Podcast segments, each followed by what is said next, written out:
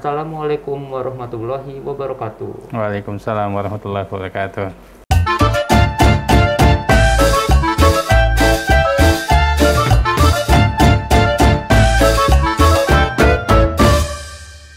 Apa kabar kawan pajak semua? Semoga semuanya dalam keadaan baik-baik saja ya. Uh, baik kalau di episode ke podcast kemarin nih, kita kan sudah berbincang-bincang ya dengan Kepala KPP Pertama Bangka, Bapak Gorga Palaungan, dalam rangka memperingati Hari Pajak tanggal 14 Juli kemarin nih. Nah, di episode podcast kali ini, kita juga sudah kedatangan seorang tamu yang tidak kalah pentingnya jauh-jauh dari Pangkal Pinang ke Mutok di sini untuk berbagi informasi ke kawan pajak semuanya. Ya. Beliau adalah fungsional penyuluh di KPP Pertama Bangka, Mas Dedi Gusmar. Ya. Apa kabar, Mas?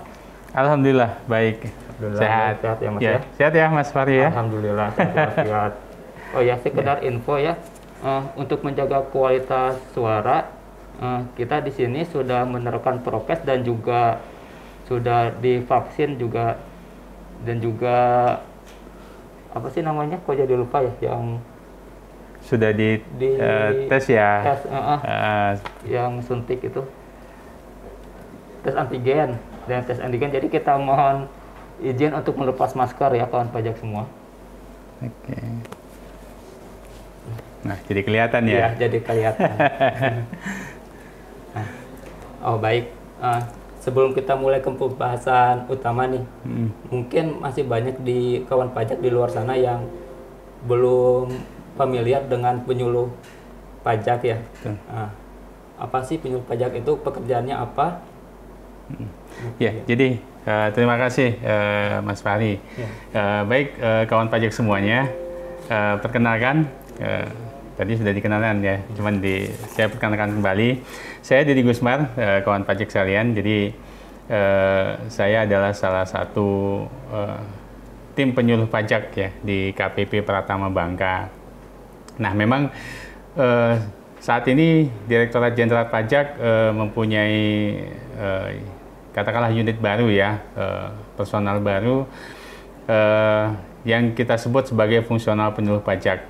Nah, jadi eh, kalau kemarin itu terkait edukasi eh, perpajakan itu biasanya kan eh, dilaksanakan oleh teman-teman AR karena memang eh, teman-teman AR yang eh, pengampu wajib pajak ya, yang melayani wajib pajak yang punya wajib, apa namanya istilahnya mengawasi ya, mengawasi dan memberikan bimbingan konsultasi. Nah sekarang kita sudah ada yang namanya fungsional penyuluh pajak. Nah dalam hal ini secara garis besar eh, kawan pajak sekalian, eh, fungsional penyuluh pajak itu memberikan eh, edukasi ya, memberikan edukasi perpajakan kepada eh, masyarakat pada umumnya ya, pada masyarakat pada umumnya. Jadi eh, baik itu kepada WP terdaftar ataupun calon WP. Jadi kita semua eh, kita edukasi ya kawan pajak.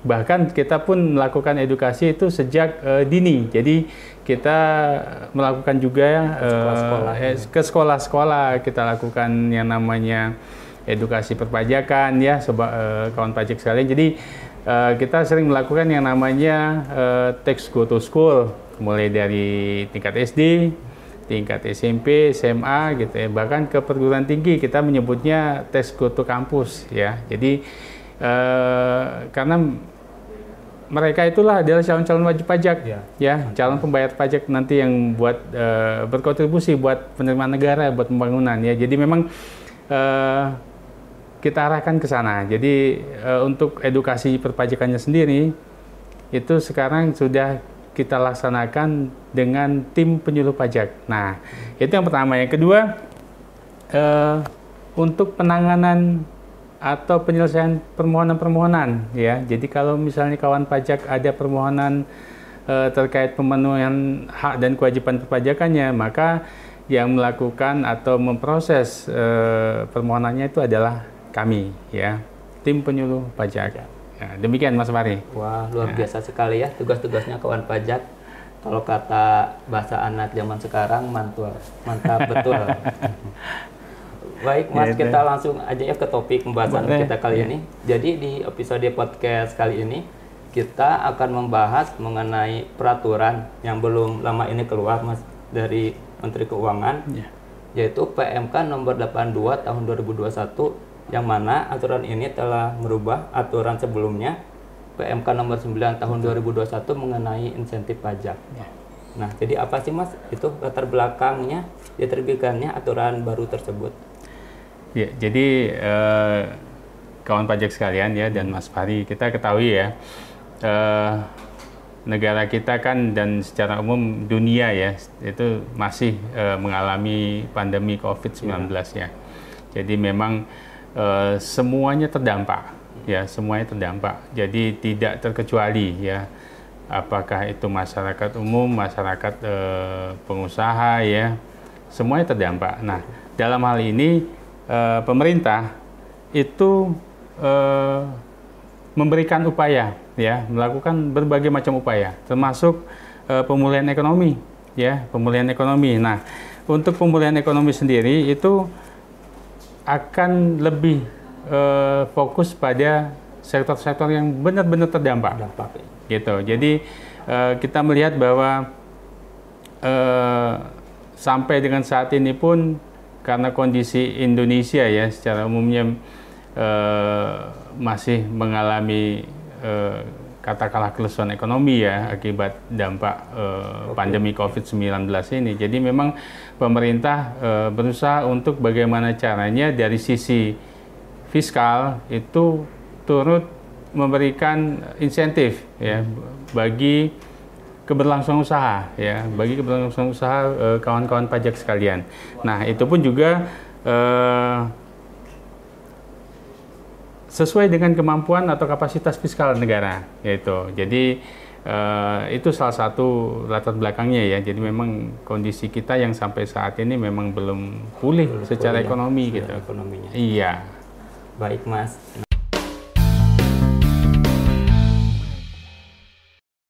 Nah, menarik nih ya kawan pajak. Hmm, kurang baik apalagi pemerintah ya. Ya. Iya betul. Jadi ini Mas, pertanyaan selanjutnya. Jadi kalau dari aturan yang sebelumnya nih, yang PMK 9, Mm. apa saja sih Mas yang perubahannya? Perubahan apa saja yang diatur di PMK 82 ini?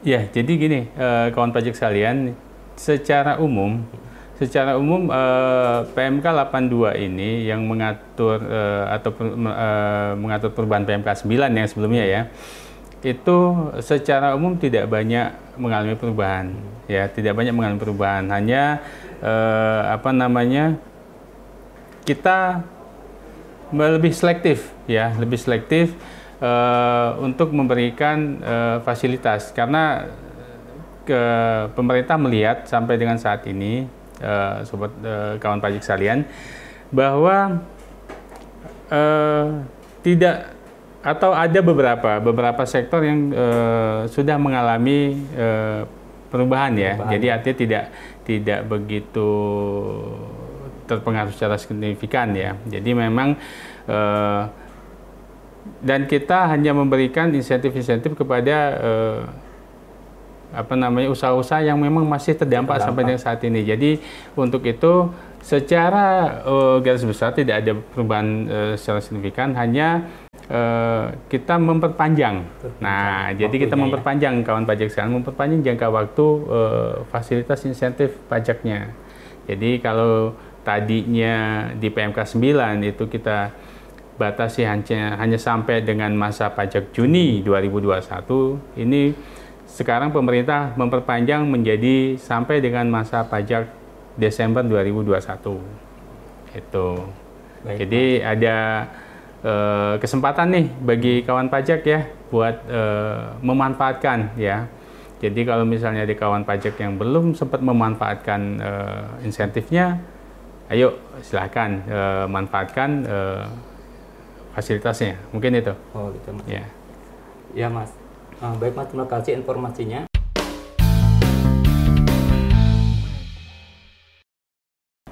Nah, di aturan terse- di aturan baru itu kan ada juga sih Mas penyesuaian KLU ya.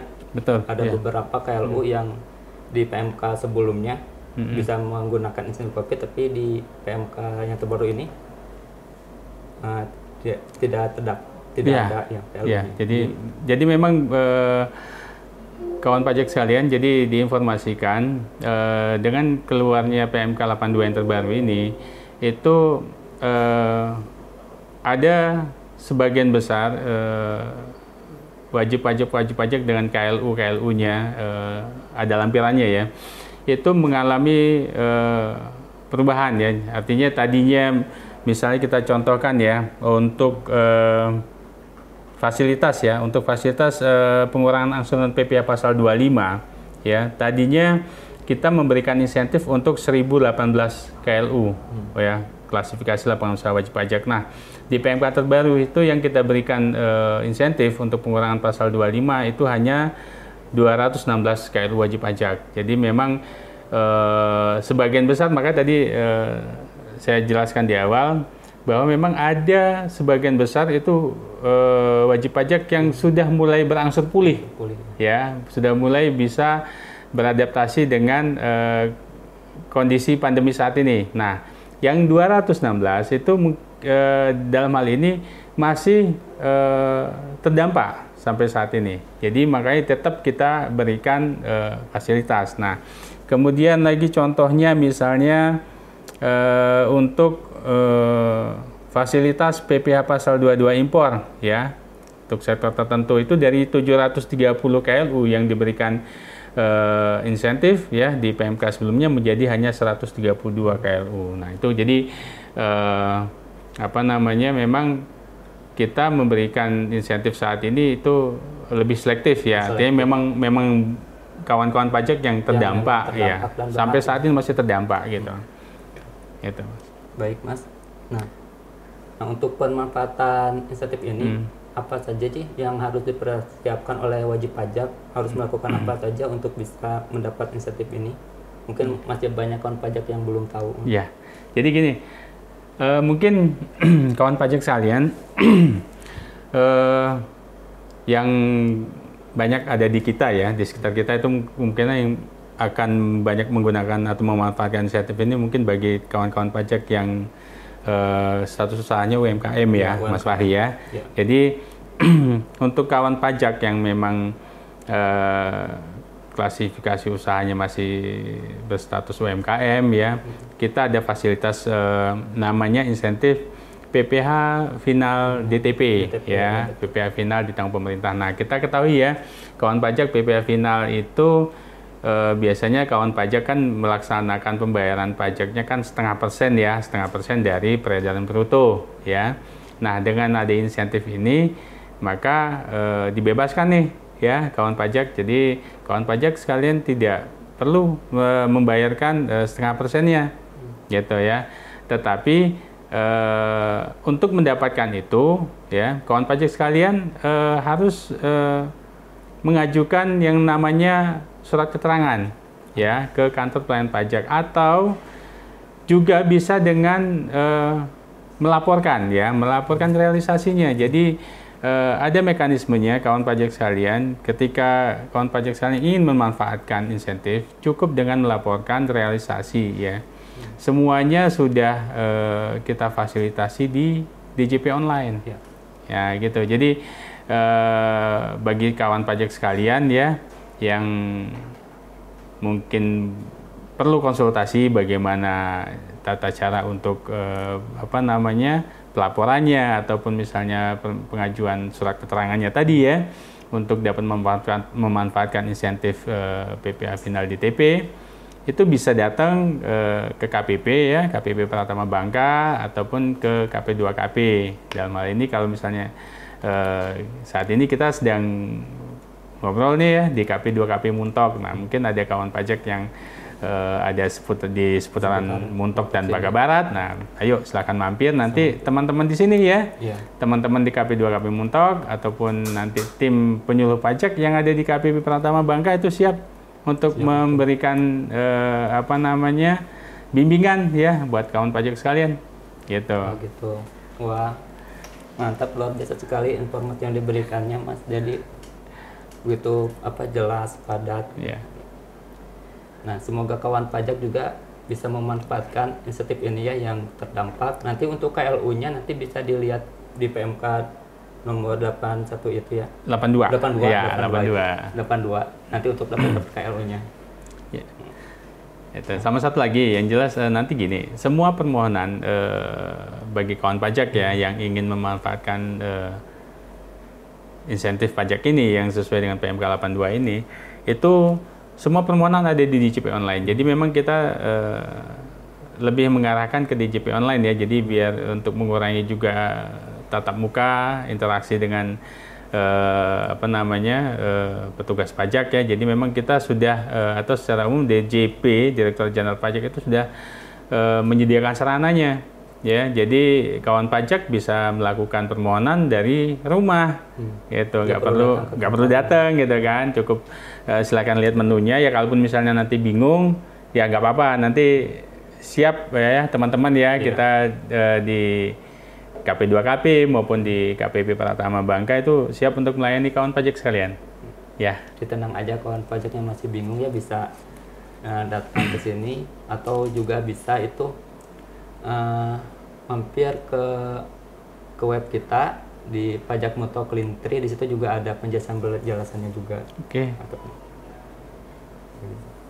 Nah, Mungkin itu Mas ya. Nah, terima kasih Mas mungkin dicukupkan saja ya Mas ya Boleh. kali ini ya. atau mu- mungkin ada tambahan lagi Eh, paling nanti mungkin gini ya, Hmm. kalau misalnya ini kan eh, apa namanya kawan pajak kan mungkin karena kita tidak tidak live ya. Oh, iya. Jadi mungkin kalau misalnya kawan-kawan pajak yang eh, masih ada pertanyaan mungkin bisa eh, apa namanya kirim di chat ya. Ya, di chat Nanti kita di kolom komentar YouTube juga Ya, nanti bisa sebisa mungkin kita usaha untuk jawab ya. gitu.